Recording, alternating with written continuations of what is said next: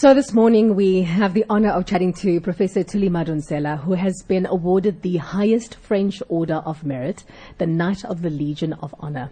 She has more than 50 global and national awards and is a multi-award winning legal professional with eight honor- honorary Doctor of Law degrees. Now, when I'm on her Twitter line, I'm constantly inspired by her motivational tweets, um, which gives one so much food for thought. So, Prof, I'm saying ahead now. Please forgive me. I'm a bit starstruck today.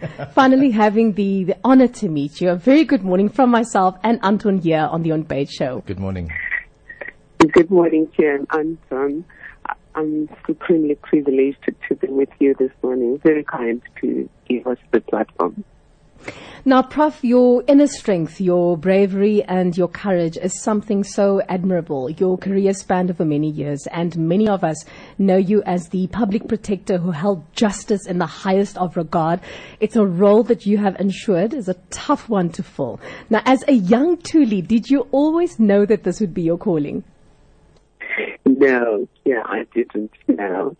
I, I knew that I would be of service to humanity in my early stages, my church thought I would end up being a pastor, and my parents wanted me to be a doctor. And yes, I at some stage entertained both the interests of my parents and my church, and later I decided I wanted to be a lawyer. So, um, Professor Madonsela, your faith is quite prevalent in many of your inspirational messages that you share, and just the way in which you, you live can tell us in what way faith supports you every day. If you can just share that with us, how, you know, the way that you live every day, how does your faith support you? It supports me very meaningfully because my faith gives me an inner core. Life is full of surprises storms and uncertainties. And the one thing that doesn't change is God's love and your relationship with, with Him. My faith is not just about prayer though, it also includes meditation, affirmations and visualizations. I spend a lot of time inside myself so that I can have something to give to the world. And um, you're also an author. And, you know, we are so excited to share with our listeners today that you're going to be launching your new book. It's called Melo's Kingdom. What I would love to know is where did you draw inspiration for the content of this book and when, when is the launch actually taking place? Well, the inspiration comes from Melo, Melo Gosle, my, my granddaughter, mm. who was born three years ago. I had always wanted to do a children's book because I was said that number one, I don't have the kind of time that my grandmother had to tell stories to young ones. But secondly, the culture of storytelling through which values are transmitted and hope is built is sort of dead. Okay, there is a bit of it, but it's not as vibrant as it was when I was growing up. And therefore the inspiration was to revive the culture of storytelling and particularly focus on African stories because everywhere I went, I couldn't find books, even at the airport, that reflect our African heritage, values, hopes, and dreams.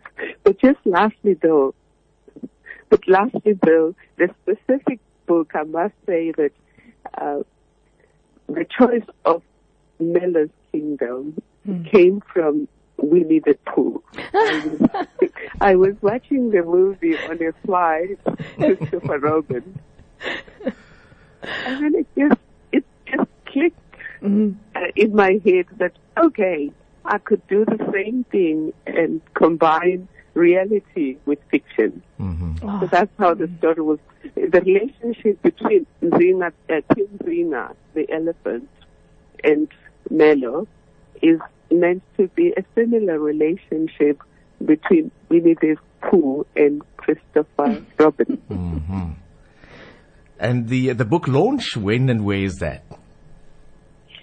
The, big, the, the book launch is at the waterfront on Saturday at, uh, oh God, what is the time now? I think it's at 12 o'clock, yeah. It, it's at 12 o'clock. Yes. Yes, and we would love people to bring the little ones there with the understanding that we are going to observe all of the protocols to make sure that we don't endanger the young ones or anyone for that matter. Professor Thuli Madonsela, thank you so much for joining us on the On Better this morning. I will still be keeping a very sharp eye out for your beautiful tweets. I have to say that because I get up so early in the morning, um, at four o'clock, I'm usually checking my timeline, and that's the first thing I check is what have you put out that can that I can draw inspiration from. So thank you so much for for being who you are and for just putting it out there all the time. I know that you are a very busy woman, so we appreciate and we value um, what you bring for all of us as a nation and for each of us individually as well. Thank you. Absolutely. If, if I may, Exclusive books yes. at the waterfront. Exclusive books Yes, at the at the waterfront. books at Yes, the twelve Vienna o'clock. waterfront. If I may, just one last uh, word from you if for uh, for the for the young ladies listening. Um, do you have a personal word of encouragement for the for the young ladies of South Africa? For those listening right now. Yes, I would say to every young person, uh, young women in particular, 27 years into democracy, today is better than yesterday. Yes, know you have struggles of uh, gender-based violence, mental health challenges and other challenges, but there is space to do better. And just focus on finding what is your purpose in life and center your life around that and build a community of people that can support you. And I must also say, happy Earth Day. And therefore, part of Melo's Kingdom is also to get young people to understand that the earth is our habitat and it has been messed up. It's our duty to restore it. Wonderful. Professor Madonsela, thank you very much for joining us on Radio Tygerberg 104 FM and all of the best with the book launch on, on Saturday.